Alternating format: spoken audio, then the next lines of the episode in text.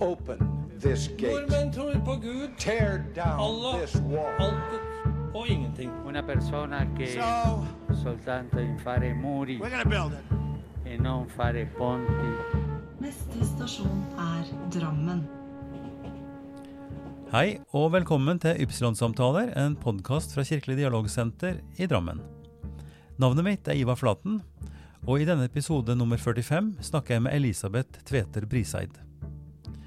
Elisabeth er engasjert leder av Besteforeldrenes klimaaksjon i Drammen og omegn. I denne samtalen forteller hun om hva som tente engasjementet hennes på 1970-tallet, og hvordan det har prega livet hennes fram til i dag. Elisabeth Tveter Britseid, nå sitter vi i stua di i nydelig vintersol. Eh, Det er lørdags eh, formiddagen, og vi skal ha en prat. Tusen takk for at du ville være med på denne Ypsilon-samtalen. Hyggelig. Eh, Du er kjent, tror jeg, for de fleste her i Drammen som en svært eh, aktiv del av besteforeldrenes klimaaksjon, og engasjerer deg eh, tungt og stort i, i dette med eh, hva vi skal gjøre i forhold til den klimatrusselen som nå blir mer og mer tydelig for, for flere og flere. Eh, og vi er inne i eh, denne uka en årlig festival som heter Klimafestivalen paragraf 112 som for mange nå ikke er så stor, fordi koronatrusselen eh, faktisk har begrensa oss veldig mye. Men Elisabeth, eh, hvor starta dette engasjementet hen? Ja, det kan du spørre om. Det spørs hvor langt man skal gå tilbake. Det, Ivar. Eh, Jeg tror jeg, jeg tror jeg må si at det har starta hjemme. Eh, Med to foreldre som var veldig opptatt av andre mennesker. Og jeg vokste opp i et veldig åpent hjem. Jeg pleier å si at det var en blanding av eh, pensjonat og, og, og psykiatrisk institusjon og et hjem.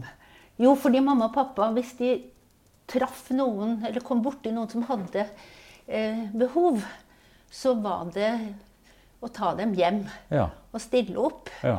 Og det var jo mange, mange behov, det. Ja. Så jeg, tror kanskje at det, det, det starta der.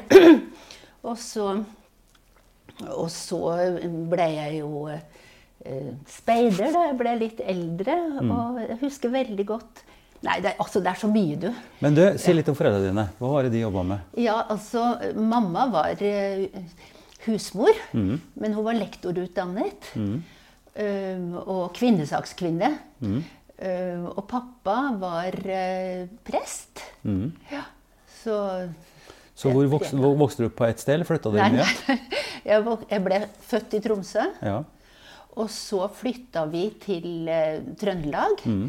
Og der bodde jeg på et gamlehjem et halvt år med flyktninger fra Finnmark. Um, Et, etter en- nedbrente Ja. jord? Ja. Mm. Ja, den brente jord. Så der flytta de et helt gamlehjem Ja. til, til eh, Trondheim. Og der bodde vi mens vi venta på at huset skulle bli ferdig. Så bodde jeg i Trondheim i fem år. Og så flytta vi til Levanger, hvor pappa var sogneprest. Ja. Og hvor han døde da jeg var 13 år gammel. ja. Og så Men, det, men det huset, altså det er kombinasjonen av pensjonat og Ja, det var et gammelt ja, Hjemmet mitt. Ja, hjemmet ditt, tenker ja, jeg på. Nei, hjemmet mitt. Ja, det var bare sånn at uh, pappa kunne f.eks. være ute på Jeg husker en gang var han ute på en reise. Da kom han hjem med en sykepleierske, en finsk sykepleierske som hadde det veldig vondt. Ja. Og da tok han henne med hjem til Ester, så mamma kunne liksom bare Ta seg av henne. Og en annen gang så kom han fra eh, Østlandet. Og da hadde han med seg en slektning som hadde alkoholproblemer og trengte å komme bort. Så da bodde han hos oss Ja. en periode, og så videre og så videre. Ja. Sånn var det. Ja. Så din, eh, din barndom og ungdom var prega av som du sier, åpenhet og, og, og st stor oppmerksomhet ja. mot, ut, mot andre? Mot andre mennesker. Ja. det var det. Mm. Og, og du med din utvikling, du satt på Eideren og sånn, og sikkert andre foreninger og sånt, men hva tenker du som har, prega deg i, i den perioden der? Vi vet jo, vi snakka om før vi starta, at, at som i ungdomstida, liksom, når vi, når vi er som mest ivrige, så er vi jo utrolig sikre på det meste. Ja. Hva var det som var bakgrunnen din sånn, og hvor, hva, hva skjedde med deg i ungdommen? Jo, altså jeg var jo som sagt speider. Og så fikk jeg et stipend da jeg var 18 år. Og fikk reise sammen med ei anna speiderjente fra Norge til Mexico. Oi. Og da var vi i eh, tre uker sammen med en 20-30 speiderjenter fra hele verden. Og, og da så jeg jo at speiderbevegelsen der var en sossebevegelse de luxe. Altså. Det var folk, de var så rike. Og så kjørte vi samtidig ut på landsbygda og så fattigdommen. Det ble et sånt sjokk å komme fra det egalitære Norge til den derre klassesamfunnet med dyp fattigdom og, og enorm rikdom. Så da husker jeg jeg tenkte Jeg skjønner at folk blir kommunister. Ja.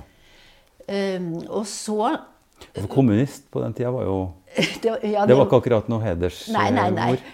Og jeg var jo ikke akkurat vokst opp i et uh, sånt hjem heller.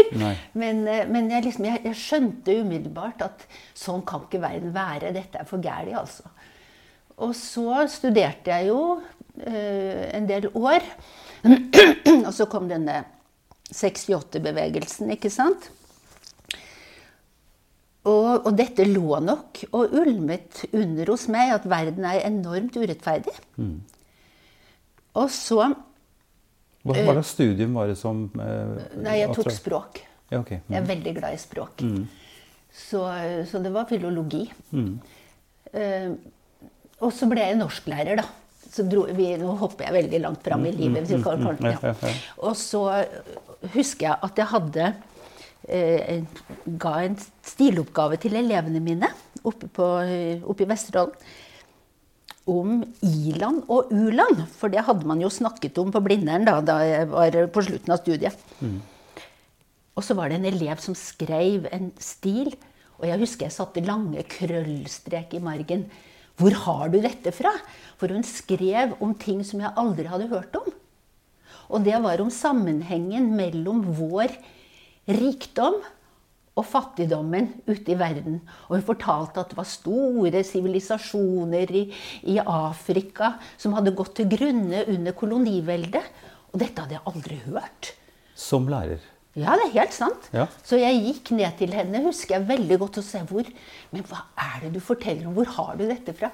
Jo, jeg har lest en bok av en som heter Erik Damman, sa hun. Men altså, nå har jeg trukket det Dette, dette var da altså på tidlig 70-tall. Ja. Eh, For Erik Damman skrev jo en bok om sitt eget, eh, sin egen erfaring. Han dro vel ut og levde med familien. Ikke sant? I, i en, eh, Samoaøyene. På Samoøyene. f- En, en kultur og en livsform som er veldig forskjellig. Han var reklamemann. Ja. Drev med for å få øke folks kjøpelyst osv. Og, så videre, og fikk en eller annen type Ikke åpenbaring, men i hvert fall en veldig tydelig magefølelse på at dette er jo ikke bra. Ja, det, det var, Og du skjønner det, at han ble da invitert av Erik Bye, som var liksom fjernsynsguruen den gangen, Ja. på et, til et program hvor han og kona satt og fortalte om den opplevelsen. At de kom til et samfunn hvor ingen var fattige, ingen var rike, og hvor det sto høyt i kurs å dele med hverandre. Og rikdom var ikke noe poeng i det hele tatt. De ble fratatt eh, det de hadde, eh, hvis de hadde for mye av det. Ja. Og de fikk sjokk. Men så skjønte de, da de var blitt frastjålet alle hermetikkboksene som de skulle leve med i et halvt år, så skjønte de at her kom de jo tilbake, de innfødte, med ting som de så at familien Damman trengte. Så det var omsorg og fordeling. Og da gikk det opp for Erik at, eh, at det går an å organisere et samfunn helt annerledes. Ja. Og dette fortalte han om på fjernsyn etter at jeg hadde snakka med den eleven min. Ja. Så satt jeg hjemme i stua og så han fortelle, hørte han og kona fortelle om dette. Og da tenkte jeg her, her er det noen ting som jeg må finne mer ut av. Ja. Men det betyr at, eh, at din eh, skolegang så langt eh, hadde unngått å lære om imperialisme og kolonialisme og alt det der, eller var det bare ting som Nei. hadde ligget i Ja. At den hadde til de grader fortalt om imperialisme og kolonialisme. Men fra koloniherrenes side, vet du. Og mamma, mamma var min engelsklærer på gymnaset. ja. Og hun hadde jo holdt på og ført oss inn i dette med det britiske samveldet som viser vei, Ja. og koloniherrene. Ja. Mm. Så det var den virkelighetsforståelsen vi hadde. Vi Ja, visste ikke ja, noe annet. ja. Historie skrevet fra den ene sida. Til de grader. Mm. Men det er ikke sånn Elisabeth, at, eh, at historieskriving alltid skrives fra et perspektiv. Mm. Eh, At vi har kanskje tenkt, eh, litt for mange av oss, og har en forståelse av at, at ting er objektive. At man beskriver en ting, så er det sånn. Mm. Det går jo på skriftsyn i Bibelen, og det går på det ene og det andre. Altså Ja. at, man, at Ja. man glemmer hele perspektivet, ja. konteksten, hvorfor en skriver, hvem en Ja. skriver til, osv. Ja. Men når du fikk denne, eh, dette sjokket da, fra en student, og det er jo fint å tenke på Mm. Det er en at man elev. En elev, ja. At man faktisk kan få, få Ja, ja, ja, ja. lærdom og kunnskap, Ja. nye perspektiv. Eh, så forandra ting seg for deg. Ja, Satte det en slags type kurs? altså Var det noe av det som satte i gang det som nå du er på en måte mest kjent for i din posisjon nå? ja, absolutt. Men det var ting, eller det var to ting til, skjønner du, Ivar. Mm. For det ene var det at som jeg sa, så mista jeg faren min da jeg var 13 år gammel. Mm. Og for det andre så døde broren min da jeg var 6 år. Sånn at, ja, Så vi hadde ganske mye, og det var veldig mye sykdom og, og sjokk hele barndommen. Så jeg Ja. trodde ikke det gikk an ja, å leve på en måte sorgløs uten at det ville komme et eller annet sjokk annethvert år. Så, så, um, så det tror jeg på en måte har også ligget der. Um, På hvilken måte prega det deg? Ble du, ble du dårlig av det? Ble du syk av det, tror du? Nei, det Nei. gjorde jeg ikke. Men jeg tror jeg på en måte ble var for at um, andre kunne ha det vanskelig. Og Mm. At det er noe som heter smerte i livet. Mm. Og det kom et alvor inn i livet mitt. Ja, ja. Og, og så fikk jeg barn omtrent samtidig som dette skjedde med den eleven min, og, og at Erik Damman var på TV og fortalte om Samoa-øyene. Så, så fikk jeg barn. Hvor i verden var du da? Da var jeg på Andøya i I Vesterålen. Vesterålen, ja. Mm. Og det var Kristin. Eh, og jeg husker så godt jeg sto og stelte henne. Og hun var sår i rumpa, og jeg hadde kjøpt fin salve på apoteket sant, og smørte Mm. henne i rumpa og tenkte åh, jeg kan liksom gi henne alt Mm. hun trenger. Jeg trengte ikke å være bekymra for noe. Nei. Kunne gi henne det hun trengte. Og så, og så var den derre bevisstheten om at det er ikke alle som har det sånn. Nei. Og, og da jeg sjøl var så lykkelig fordi jeg hadde fått dette barnet og hadde det så godt, så ble jeg så fortvila ved tanken på at ikke alle, alle hadde det. Alle de andre som, som var et annet sted. ja. Og det er jo noe av det dilemmaet som vi ser, eh, og som er utrolig eh, eh, Ikke bare påtrengende, kanskje ikke så påtrengende, men når vi ser det, så er det jo sånn verden er. Ja. Altså Det som vi har vent oss til nå i hele vår velstandsutvikling, og hvor vi er i dag, er jo et, en stor parentes, et stort unntak fra det som de aller fleste opplever. Da tenker jeg både på levestandard og på helsevesen. Jeg For min del jeg har jo personlig dramatisk erfaring fra det. For et år siden, litt over det, så fikk jeg et akutt hjerteproblem. Og hadde jeg vært et annet sted, hadde jeg vært eh, Jeg tenker bare på altså USA, det, kan vi snakke mye om. Men de er veldig stolte av den her timen som går fra pasienten er kommet til sykehuset og til de har fått satt stentet og fått i orden på det. En time. Strålende opplegg. På Rikshospitalet gjør de det på 20 minutter. Og jeg ble kjørt inn i full fart. Altså, poenget mitt er å si at vi har et vi har, Fordi vi har vært kanskje heldige og flinke, eh, et system som tar vare på oss. Men dette er ikke virkeligheten, og på ingen måte et uendelig oljefond. Eller osv. osv. osv. Så d- dette er jo påtrengende, og det gir oss også en slags eh, ja, en, en impuls eller en utfordring til å tenke ja, men hvordan skal vi se over og forbi vårt eget vår egen velferd og vår egen, eh, vårt eget hell. Så tenke hva vi kan bidra med. Så dette ble akutt for deg, tenker jeg. Dette følte du veldig sterkt da du Ja. sto der og stelte Kristin. Ja. Ja. Og så, og, så, og så hadde jeg liksom fått ikke sant, Så fikk jeg den her impulsen fra Erik Damman. Ja. For han sa Framtiden er i våre hender, sa han. Ja. Vi, kan, vi kan gjøre noe. ja.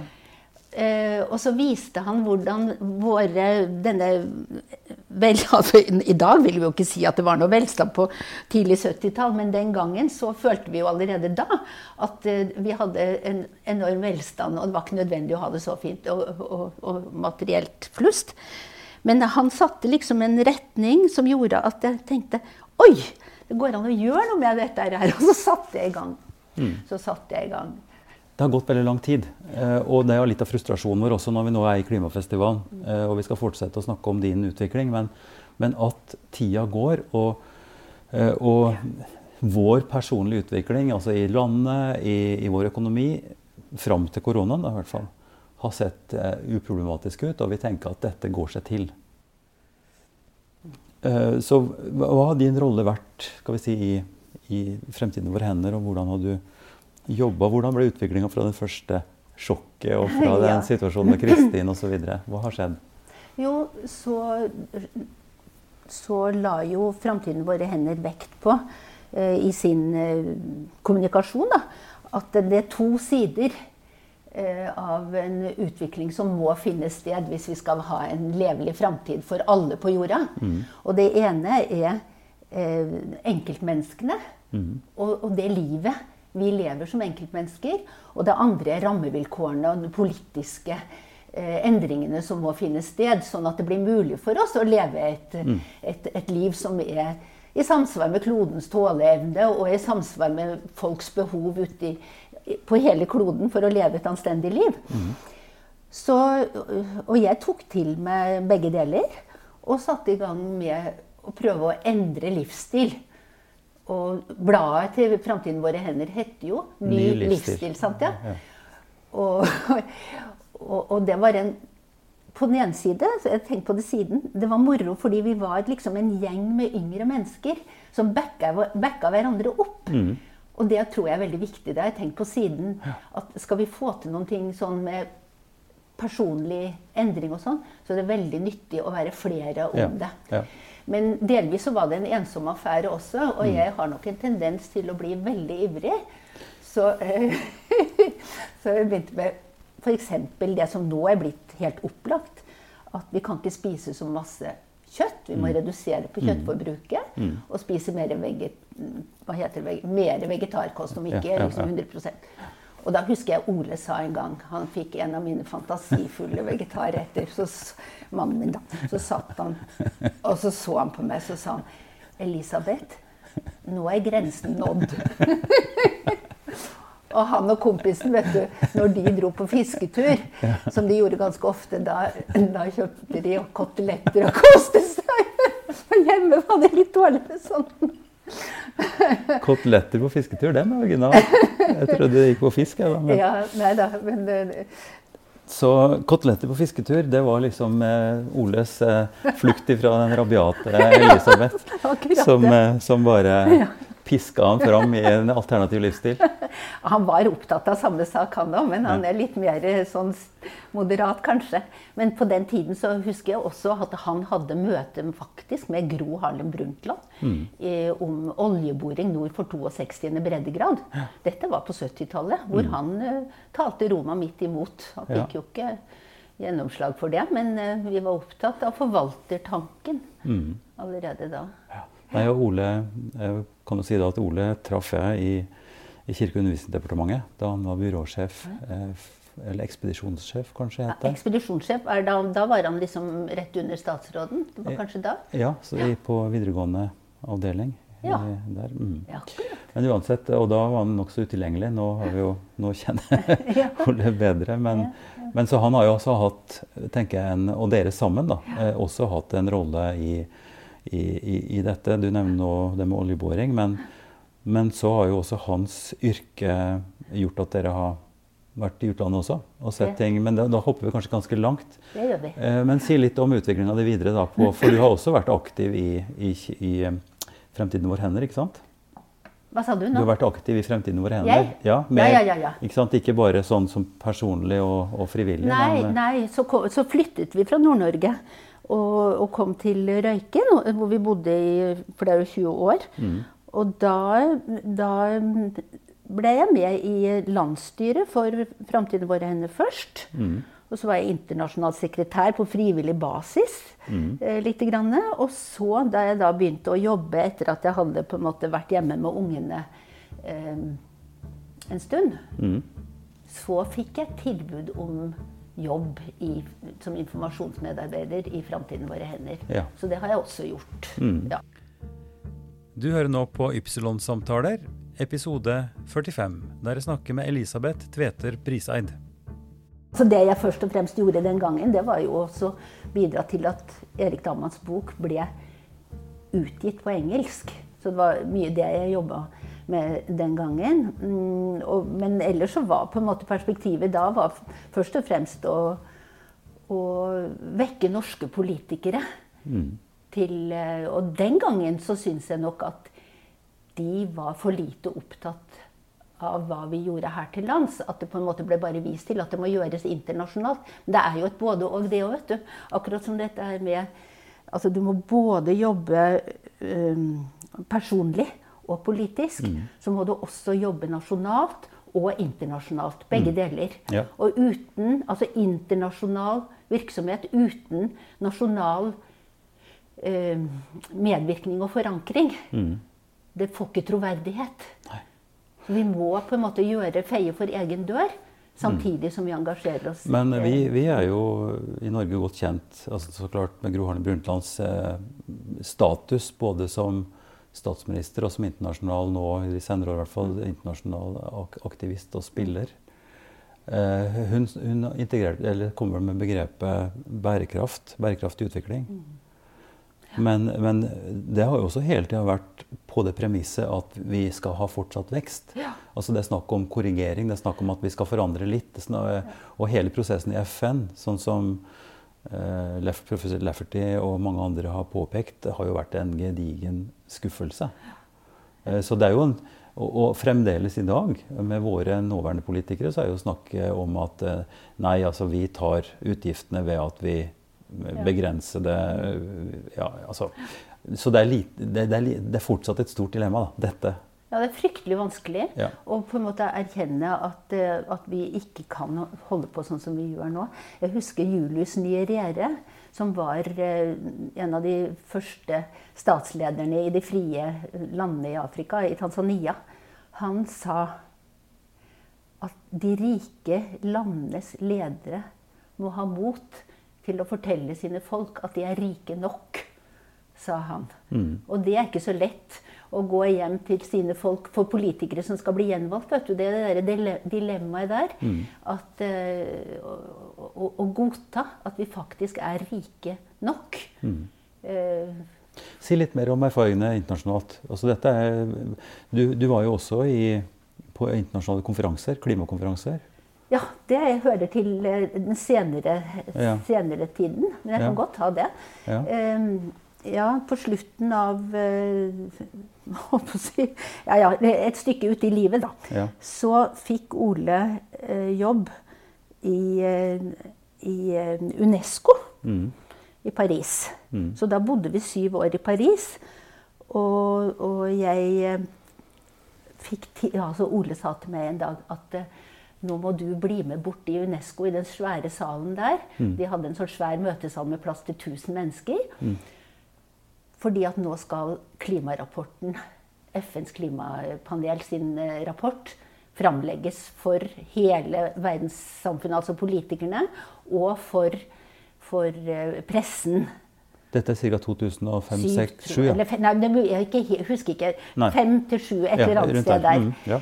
Og da hadde jeg sett Al Gore sin film om eh, den ubehagelige sannheten som vi fortrenger, og var eh, på en måte blitt veldig hissig igjen etter at jeg hadde hatt en periode hvor jeg hadde vært litt mer eh, ja, vært opptatt av, litt mer opptatt av andre ting. Da. Og så ble jeg med der. Og da gikk det opp for meg igjen altså hvor akutt dette spørsmålet er. Og Hva, hva var det som gjorde at du fikk den følelsen da igjen? Hva? Nei da, altså det var jo vitenskapsmennene, eller kvinnene. Det var en kvinne, vitenskapskvinne som framla rapporten på vegne av, eh, av panelet.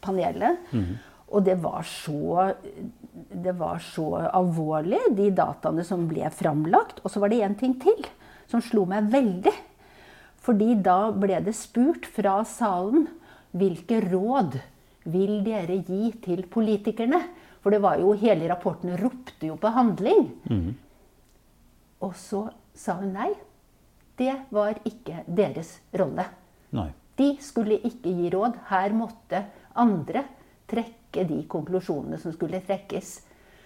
Og da tenkte jo jeg at eh, det er jo kjempeviktig nå at alle utenfor vitenskapskretsene sørge for å få dette kjent og sørge for å handle og finne ut hva de skal gjøre.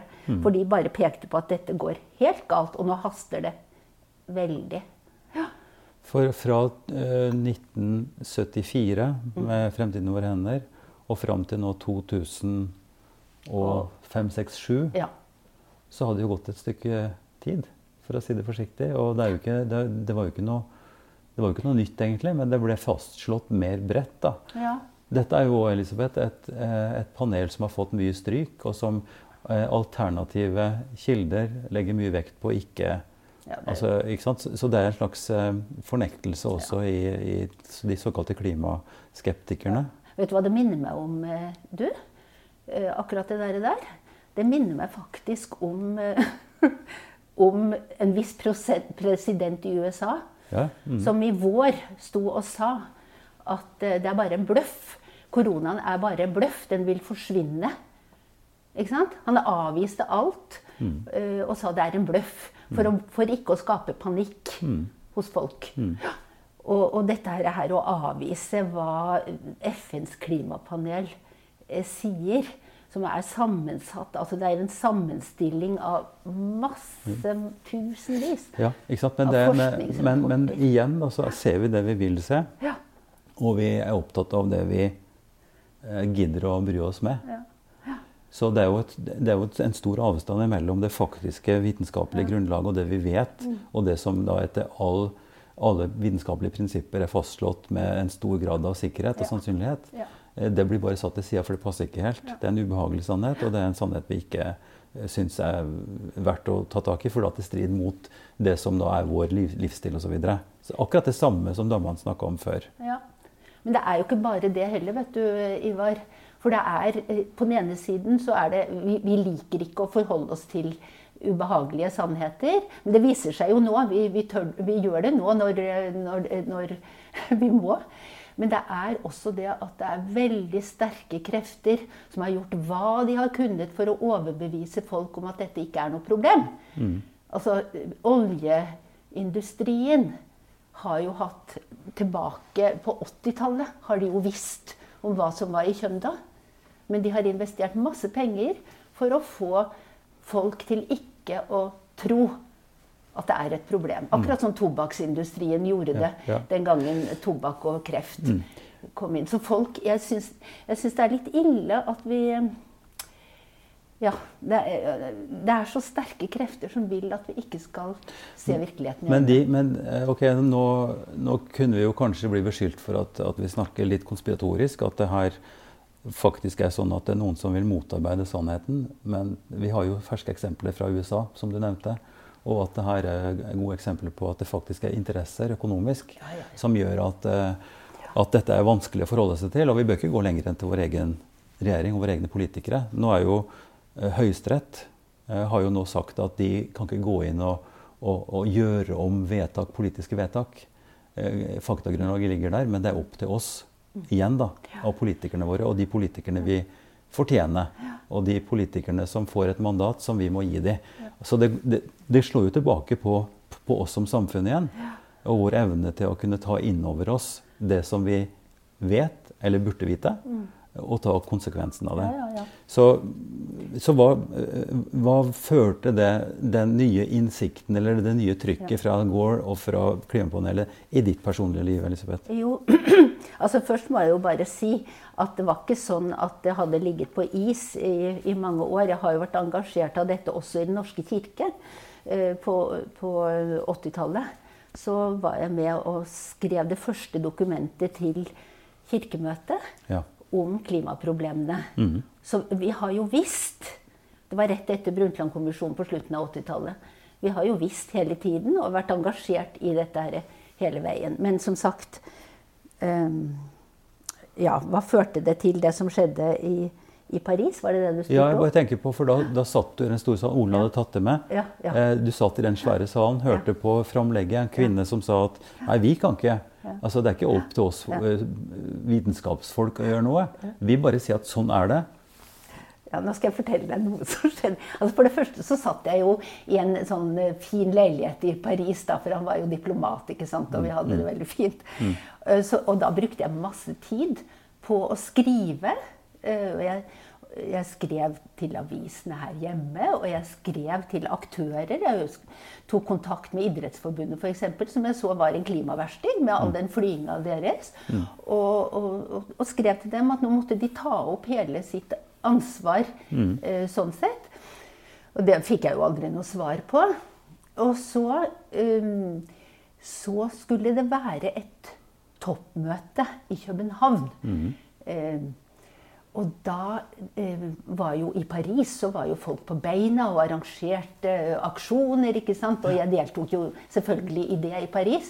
Og tenkte jeg, når jeg skal hjem til Drammen i jula, for jeg reiste hjem eh, her, vi hadde leilighet her, og jeg dro hjem her, da kan vi få til aksjon i Drammen.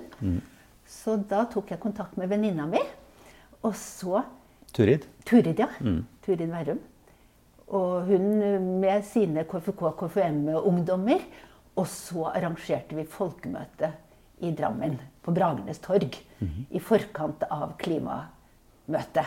Og dette er år Ja, det er det som jeg har sånn litt problem Det må ha vært i 2000 og Kan det ha vært i to, du, vent, nei, 2007-2008? Ja, rundt samme tida. Rundt samme Der- der, omkring, ja, ja, rundt samme tida. Ja, det er greit. Mm.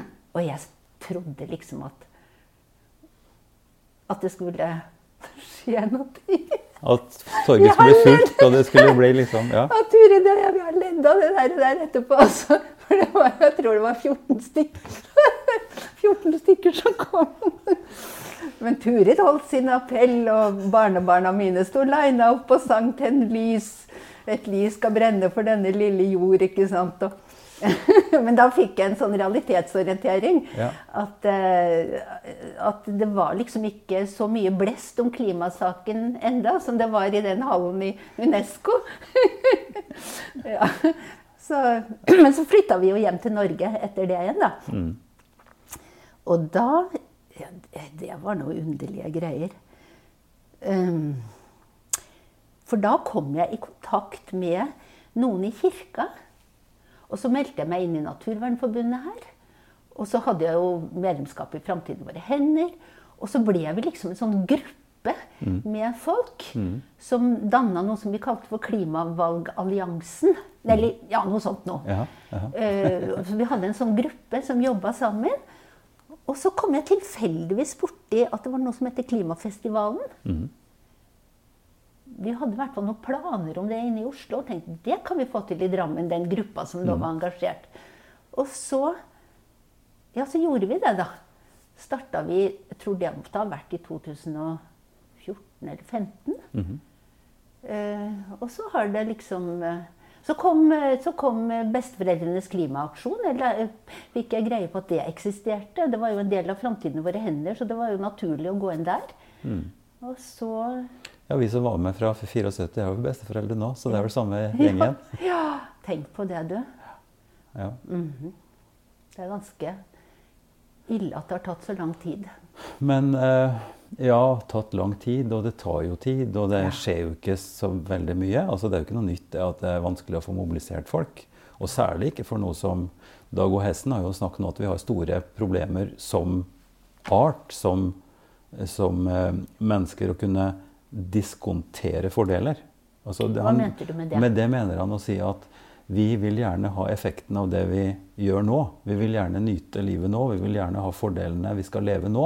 Mm. Og det å skulle begrense oss for å kunne få framtidige fordeler, det er noe som er helt kontra vår Mm. Ja. genetiske disposisjon. Ja. Vi er opptatt av å, å, å ha det, altså overleve. ikke sant? Men- Eh, og, og Derfor så sier han at dette er sånn helt mot tyngdekraft. på en måte. Det er helt mot det vi Og i tillegg, når vi da har en en, en situasjon som er god nå, og, og hva er godt nok. Ikke sant? Fordi vi, vi, vi vil hele tida utvikle dette, så, sånn at alt på en måte går imot oss hvis vi, hvis vi ønsker å si at nei, vi skal skjære ned. Og vi vil jo ikke tilbake til mine foreldres standard i 55, da jeg ble født. Ikke sant? Så, så hele den Så vi er igjen en sånn Sisyfos, eller en, en motbakke som er veldig dominant. Og, så, og hva er det da som kan korrigere kursen vår? Ja, altså der tenker jeg Der tenker jeg eh, at det er veldig, veldig mange mennesker som enten har barn eller barnebarn. Og det ligger også i oss å ta oss av våre nærmeste. Og føle ansvar for, for våre nærmeste. Og, og hvis vi forstår, hvis, hvis på en måte opplysningen eh, som vi får gjennom mediene og, og alle steder Hvis den blir så klar at vi innser at de som vi er aller mest glad i, våre aller nærmeste, at de kommer til å lide for det at vi eh, ikke gjør noe nå, det tror jeg kan være en sånn eh, drivkraft for å være med og være med og, og, og danne en bevegelse. Og kanskje å tenke når vi går til stortingsvalg at vi, og, og kommunevalg, at vi da har barna våre og vi som er eh, gamle, da, barnebarna våre i tankene. Jeg innbiller meg at det, at det kan være en drivkraft. Men har du noe erfaring på at det faktisk er sånn? Altså, vi har jo i hvert fall Jeg vet ikke. Her i Drammen, da, så har vi jo fra å være en gruppe på syv-åtte som starta for noen år siden, så er vi jo nå innpå Altså i Drammens område, da skal jeg si, Drammen område, så er vi nå mm, inn på 300. Ja. Eh, Det er en veldig god vekst, og det, det er håpefullt. Og så må en vel fremdeles da kunne si at det å, å betale kontingenten til Besteforeldrenes klimaaksjon eh, er en synliggjøring av et engasjement. Men, men det å skulle gjøre de valgene som begrenser vår livsutfoldelse fordi at vi tenker på våre barnebarn, eh, det å gjøre de valgene som er upopulære i forhold til trafikkforhold i Drammen, i forhold til eh, hva slags politikere vi skal velge inn, hva slags, eh, hva slags premisser vi legger inn for utviklinga vår, det er ganske mange hakk. Og den politiske prosessen er også ganske krevende. Jeg har dyp respekt for de som er politikere, og som jobber vettet av seg med papirer og møter og greier, men det blir ofte veldig kortsiktig og veldig tett på fordi at de er nødt til å forholde seg til bompengeaksjoner og, og what's not. Så, så det, det er en slags eh, slitenhet, vil jeg tro, også i veldig mange på at dette ser ikke ut til å, å ha noe stor effekt. Så det store spørsmålet er jo hva, hvor er aktivismen som gjør at mange nok gjør de dramatiske valgene som gir oss det vi trenger da, for å komme dit vi skal. Og, ja, og, og, og jeg synes er, Kanskje vi skal komme inn på det som Dag O. Hesten nå skriver i sin eh, bok. Han er en av våre fremste vitenskapsfolk og, har skrevet denne 'Verden på vippepunktet'-boka. som er en han sa at dette skulle være en pamflett i utgangspunktet, men den har blitt større fordi at han har tatt inn mye. Og det er, en, det, det er skikkelig vekker. Altså Det er en bok som, hvis den blir lest eh, av folk, og en, en gidder å høre på som står der, så finnes det jo ingen sterkere impuls til en direkte endring. Og han sier vi har ikke lov vi har ikke lov til å si at dette er andres problem. Vi kan gjøre noe, og vi må gjøre noe. Ja. Det er 110% enig. Vi har, en, vi har en moralsk forpliktelse. Vi har det. Men eh, Fins det, det noen moralske mm, miljøer? Eller fins det folk som har en drivkraft sterk nok fra utsida til å skulle gjøre noe? Er det noe håp for kirka? For de kristne menighetene? For de religiøse? Du er jo sjøl et kirkemenneske. ja, det er det. Ja, altså eh, Jeg vet ikke hva jeg skal si, jeg, eh, eh, Ivar. Det er eh, tvetydig, da, for å si det sånn. Du har veldig stort engasjement blant, blant en del i kirka. Så har du mange som ikke ser det som sitt, bord. Så ja, jeg syns det er tvetydig. Uh, og, og det er ikke noen jeg, jeg, har ikke, jeg har jo holdt på med dette her nå i uh, hele mitt liv. Men jeg, har ikke noen sånn der uh, godt svar å komme med. Men det er vel kanskje fordi at det ikke fins noe svar? Ja, jeg lurer på det. Jeg lurer på det. Du hører nå på Ypsilon-samtaler, episode 45, der jeg snakker med Elisabeth Tveter Priseid. På denne tida i fjor så hadde vi også et møte i klimafestivalen. Hvor eh, byens politikere var invitert til å være med og snakke om, om eh, hva vi kan gjøre lokalt.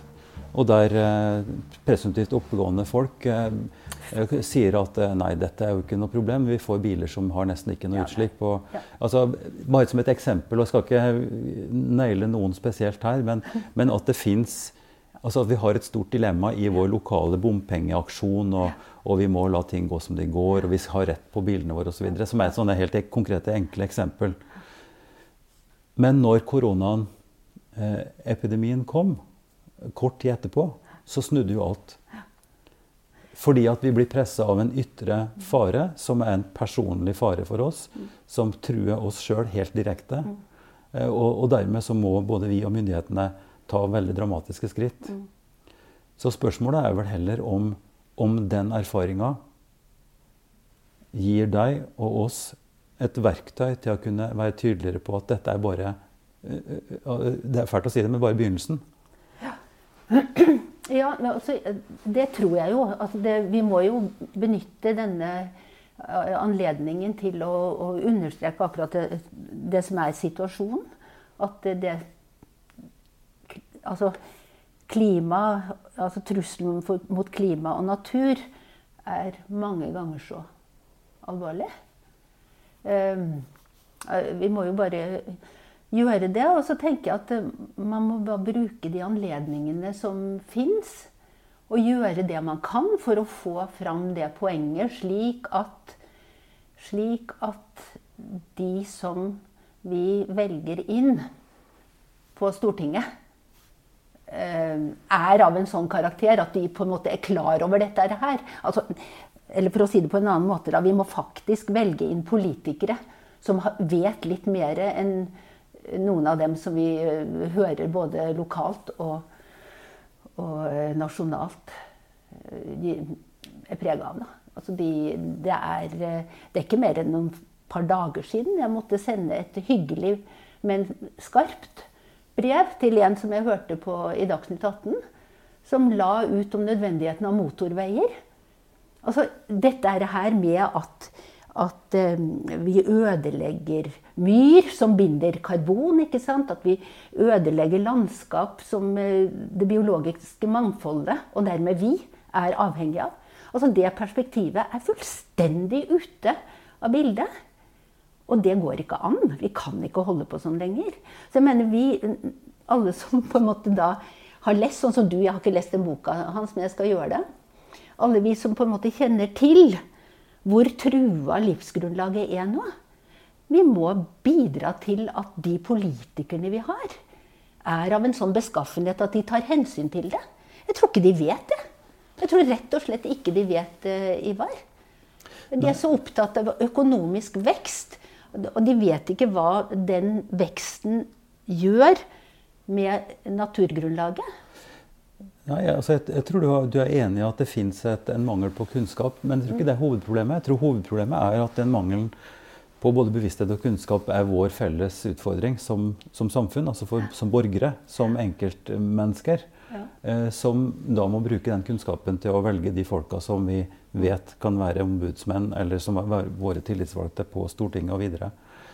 Og, og dette er jo et prosjekt som da er sivilsamfunnet, som er eh, Besteforeldrenes klimaaksjon, Kirka, eh, Røde Kors, hvem som helst. Altså alle foreninger som, som bryr seg om eh, livet og, og framtida, må ta tak i. Eh, så, og, og vi skal være forsiktige liksom, med å a meg, var jeg stygg nå? Nei, nei, nei. nei. Altså, det er helt relevant, og det er helt sant. Men vi får de vi fortjener, er mitt poeng. Altså, vi får de, de politikerne som, som, eh, som vi velger inn. Ja. Eh, og, og, det er klart, når det snur en opinion på, på flisa fra en, eh, sånn som lokalt hos oss, da, fra en enighet om en type bypakkeløsning som er omforent, og, og, sånn, som plutselig bare med et knips blir nivellert fordi at, at en mobiliserer de som syns det er fint å kunne bruke bilen litt mer ikke sant? og betale litt mindre. Eh, og, og, og jeg skal være, vokte meg vel for, å, for å, å, si, å, dømme de heller, fordi vi er opptatt av ikke sant? Det, jobben vår og hvordan livet er til hverdags. Ja, ja. Og fordeling og rettferdighet. Og, og, og snakke om liksom hele oljesektoren, og at den skal nivelleres bort. Ok, arbeidsplasser. Altså, det, det, er jo alvor. Det, det, er jo ikke tøys at folk har en arbeidsplass, men hvordan vi da som samfunn også klarer å snu til andre typer arbeidsplasser, og ikke minst eh, minke våre egne personlige krav på, på, velferd. Og det er der det store spørsmålet ligger, og det tror jeg ikke vi klarer å, å få til før vi får en type si, korrigering eller press på oss som tvinger oss på en eller annen måte. Men, men Ivar, er jeg, er enig med deg i, i, mye av det. Men jeg tenker også, for jeg bare går, går tilbake til det spørsmålet ditt i stad om liksom, hvordan vi ja, Jeg vet ikke om du sa noe om det er håp, eller hva du sa. jeg. men, men det ligger jo også eh, håp i at man begynner å se at f.eks. oljen, da den, den har ikke framtida for seg. Altså nå vender nå vender alle som er opptatt av ja, næringsliv, bedrifter, investeringer og alt det, de vender seg bort fra oljen. Det er Etter Parisavtalen så vender de seg bort fra oljen. Det er bare at her i Norge så er vi så bundet til at vi tror Vi tror at, eh, at vi fratar folk arbeidsplasser hvis vi vender oss bort fra oljen, vi også. Men faktum, tror jeg jeg kan si, mm. er at vi fratar eh, folk mulighet for arbeid hvis vi ikke nå vender oss en annen vei og bort fra oljen. Så der ligger det jo noe, noe optimisme, da. Ja da, og, og, og, det er helt åpenbart at, at næringslivet i stort uh, har et helt annet fokus nå på på det grønne skiftet som det snakkes ja, om, ja. og at her er det nødvendig. Men jeg tror likevel at drivkreftene i, både i business og ja, hele næringslivssektoren eh, handler jo om et, et vekstparadigme. Altså at vi, at vi, er opptatt av denne motoren som skal gå, som skal øke med utbytte, profitt osv. Vi må ha mer energi, vi må ha mer av alt, egentlig. Ja. Eh, så det er jo noen sånn grunnleggende mekanismer der som, som er problematiske. Men ja, det er helt, det er helt uh, enig i og helt opplagt at, uh, at vi kan ikke ha endeløs materiell vekst på en begrensa klode. Men der også er det interessant å si at økonomer også begynner å, å forstå dette. At det som foreløpig er et sånt uh, oppløst og vedtatt skal jeg si, en sannhet at vi må jo ha økonomisk vekst for å løse velferdsproblemer og alt dette her. Det er flere og flere økonomer òg som stiller spørsmålstegn ved det internasjonalt. Mm, ja så, så, mm. så, det er bare å finne en annen måte å organisere det på som gjør at vi kan ha gode liv med atskillig mindre eh, forbruk, da. Mm. Og det har vi noen mulighet til, da.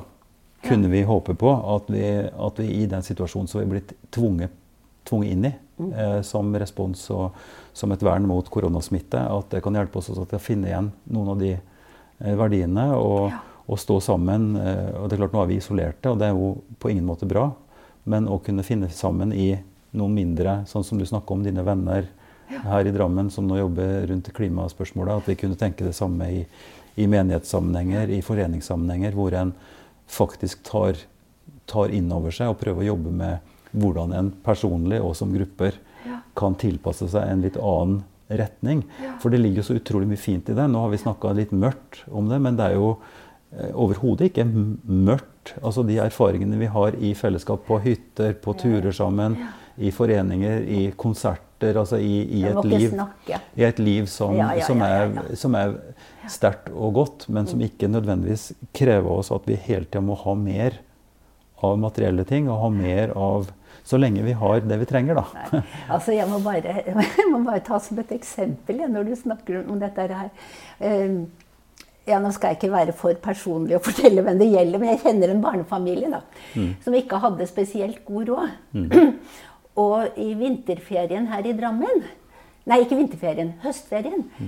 Så tok pappaen da med seg disse ungene, førskoleunger, på, på høstferietur i Bragernesåsen. Eh, ikke mange meter hjemmefra.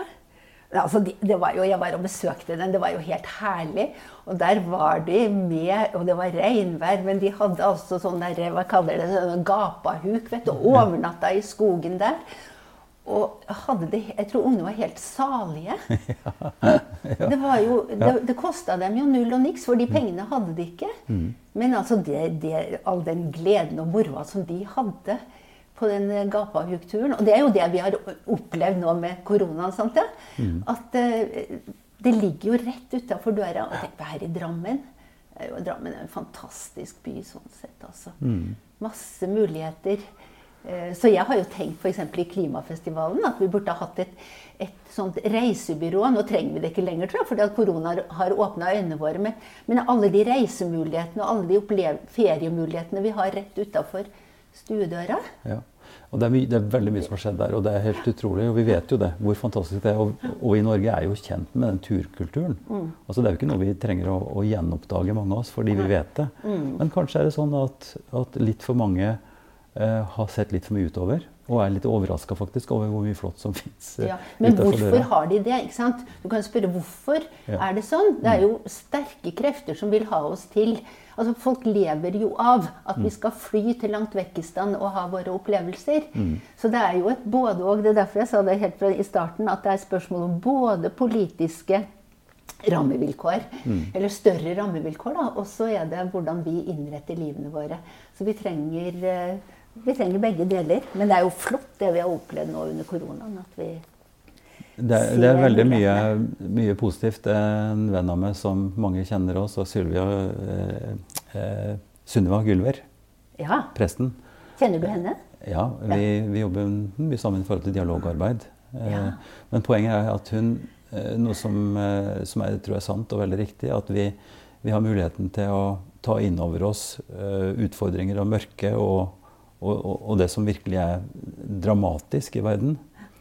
Eh, og se det og forholde oss til det, men ikke bli helt oppslukt av det. Altså bli helt sugd inn i det. Og bli fortvila og kyniske og, og, og, og bli håpløse. Eller oppleve det som håpløst, men livet som håpløst. Men også se på de sidene ved livet som gir mening og håp og løft. Altså at ikke man blir verken kynisk og, og desillusjonert, men heller ikke altså, komisk optimistiske liksom, Å si at dette kommer til å gå bra, dette er fint. Nei. Se begge deler samtidig, og tørre å, å stå i det og jobbe for endring eh, med de små skritta som, som vi får gjort, og som vi som samfunn kan ha gjort. Og nå er det jo mer, etter min mening, da, mer kritisk enn noen gang, sånn som du også har sagt, og som vi har fått blitt minnet på igjen og igjen. Eh, Så det, det, det står rett og slett om at vi i våre nære relasjoner og i våre sammenhenger klarer å mobilisere de gode kreftene som vi har, og, og de mulighetene vi har, til å støtte hverandre. For det er noen som vil lide mer. Altså, vi ser jo det med arbeidsplasser nå, som, som er virkelig krevende. Eh, mens andre har en relativt grad av, av Altså at vi har, har Ja, det er kjempeviktig at man jobber for Altså Det er jo kjempeviktig at man jobber for rettferdighet når man holder på med den der uh, snuoperasjonen. Mm. Det, det syns jeg er helt åpenbart. Ikke sant? Hvis du ikke sørger for at dette skjer på en rettferdig måte, kan du bare glemme hele forandringen. Det, er, eh, det er et uh, imperativ. Så dette er en stor utfordring til oss som sivilsamfunn. En stor utfordring til våre lokale politikere. Vi skal ha en valgkamp nå utover eh, våren og sommeren. Ja. Og vi skal tenke eh, følgene av koronaen. Vi planlegger festivaler, vi, vi planlegger møter. Vi, vi har så mye vi har lyst til å gjøre. Men, men det å kunne se samtidig den store situasjonen som er så dramatisk, og planlegge ut ifra det, Det trenger vi hjelp til fra hverandre. Men, men jeg må fortelle deg det, Ivar. altså at eh, altså Besteforeldrenes klimaaksjon Jeg må jo få lov til å reklamere litt for Besteforeldrenes klimaaksjon når du først har invitert meg til dette Mm. Ja, her. ja, ja. Fordi det er en veldig spennende gjeng med folk. Foreløpig så har vi jo jobba frivillig, Mm. alle sammen. Nå skal vi få, nå er vi blitt så mange at vi skal få en sekretær. Men oppe i Trondheim så sitter det da et par eh, Apropos trøndere. Sitter det da et par eh, mennesker som har forut for valget nå gjort en kjempejobb. Hvor de har gjennomgått de politiske partienes stillingtagen til forskjellige eh, spørsmål som eh, berører dette her som vi har prata om. Um, og satt opp, så du kan se det visuelt, hvor hva slags holdninger til disse spørsmålene de ulike partiene har. Det er veldig opplysende og nyttig. Sånn at eh, jeg tror at eh, hvis man først eh, liksom tenker stortingsvalg, da, så kan man få veldig god hjelp. Og jeg tror at vi fra, i Besteforeldreaksjonen skal, skal nyttiggjøre oss dette her. Og prøve å få en stemme inn sånn at fordi at det er så mye ord. Det er så mye, ja. sant? Det er så mye ord av det, det grønne skift og bærekraftig utvikling og alt det der. Eh, Men vi har men hva jo innebærer det i praksis? Hva slags stillingtagen tar man når det kommer til stykket? Kanskje skulle en eh, utfordre besteforeldrenes klimaaksjon her lokalt også til å, å snakke direkte med de lokale representantene fra vår, i vårt område. Ja. eh, vi har jo en eh, metodikk fra eh, Drammen kirkeforum hvor vi har invitert på forhånd eh, for å komme med innspill til program og til, til, til saker. Og en kunne jo tenke seg at det kunne være interessant å snakke med de som nå står på valg. Ja, ja, ja. ja. Slik at man kunne eh, både få svar og kunne drøfte disse tingene Mm. for å sikre seg at representantene fra de forskjellige partiene også er på en måte i stand til å, ja det må jo bli. Buskerudbenken, det, da. Ja, ikke sant? Men da Ja. kanskje, ja, det er absolutt. Men du er jo medlem av Besteforeldrenes klimaaksjon, du, så du kan jo hjelpe til med det. Du har jo god erfaring, du, å hjelpe oss. Ja. Poenget mitt er bare at vi må gi de også trygghet for at de har et elektorat, at de har noen folk bak seg som er villige til å støtte dem. Og da snakker jeg ikke enkeltpartier, vi snakker ikke ett parti eller to. Vi snakker om at dette er en, en måte å jobbe på der vi trygger våre politikere. Eh, og så vet vi jo ut fra samtalen med Kirsti Kolle Grøndal sist at her er det også mye som skjer på Stortinget. Altså innad i partigruppene og i komiteene og sånt, som er utrolig viktig.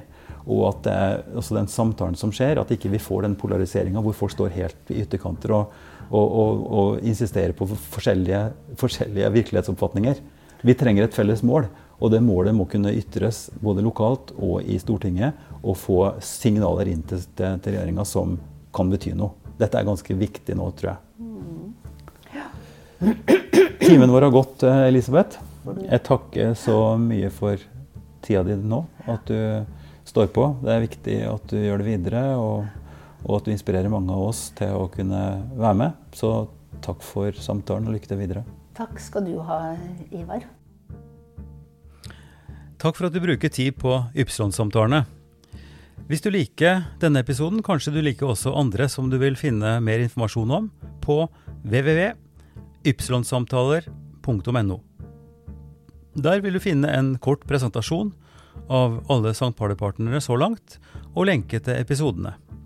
Du må gjerne abonnere på Ypsilon-samtaler i din favorittpodkast-app. Og så er vi veldig glad for tilbakemelding og forslag som du kan sende til Ivar, krøllalfa, kirkeligdialogsenter.no. Podkasten er støtta av Drammen kommune, Barne- og familiedepartementet og Einar Juels legat. Ansvarlig utgiver er Kirkelig dialogsenter Drammen ved daglig leder Ivar Flaten.